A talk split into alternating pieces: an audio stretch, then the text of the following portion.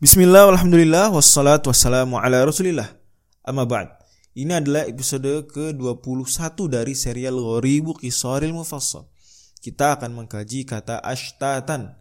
Masih di ayat yang sama persis seperti ayat di episode 20 Yawma idhi yasdurun nasu ashtatan liyurau a'malahum. Pada hari tersebut kata Allah manusia keluar yasduru. Sudah dibahas ya pertemuan sebelumnya. Ashtatan. Dalam kondisi saling terpencar-pencar. Terpisah-pisah. Liura amal amalum untuk diperlihatkan kepada mereka amal mereka. Ashtatan jamak sebetulnya. Af'al. Af'al salah satu wazan jamak. Sebagaimana kata Ibnu Malik af'ilatun af'ulu thumma fi'lah thumma ta'af'alun jumu'u begitu dalam alfiyah dalam al-khulasah nah Jamak dia, mufradnya syatitun. Syatitun ini sifat musyabbah dari syata yashitu.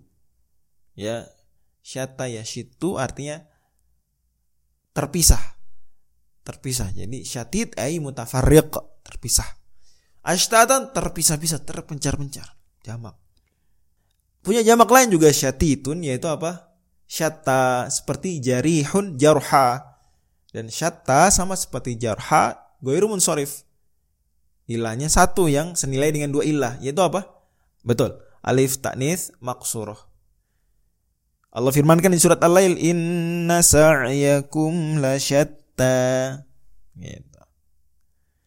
Dan kata syatta digunakan di beberapa ayat ya. Misalnya uh, tahsabuhum jami'an surat Al-Hasyr. Kalian mengira orang-orang musuh-musuh Islam itu bersatu padu betul-betul Enggak kata Allah. Wa qulubuhum syatta, hati mereka berpisah-pisah, terpencar-pencar. Ashtatan juga ada di surat An-Nur. Jadi dua-duanya sama-sama jamak ya, syatta dan ashtat. Allah firmankan di surat An-Nur ayat 61, "Laisa 'alaikum junahun an ta'kulu jami'an au ashtata." Kalian tidak berdosa makan barang-barang ini, makan barang ataupun makan terpisah-pisah sendiri-sendiri. Walaupun ya lebih afdal makan makan barang lebih afdal makan bersama keluarga. Tapi juga tidak dosa kalau makan terpisah-pisah. Dan Nabi sendiri tekankan soal itu. Jangankan satu keluarga, sahabat-sahabat yang beda rumah saja, kalau sedang berkumpul Nabi suruh makannya bareng. Ya. Dan memang makna istiqoqi dari kata syatta itu adalah apa? Adalah keterpisahan, keberjarakan satu sama lain. Wallahu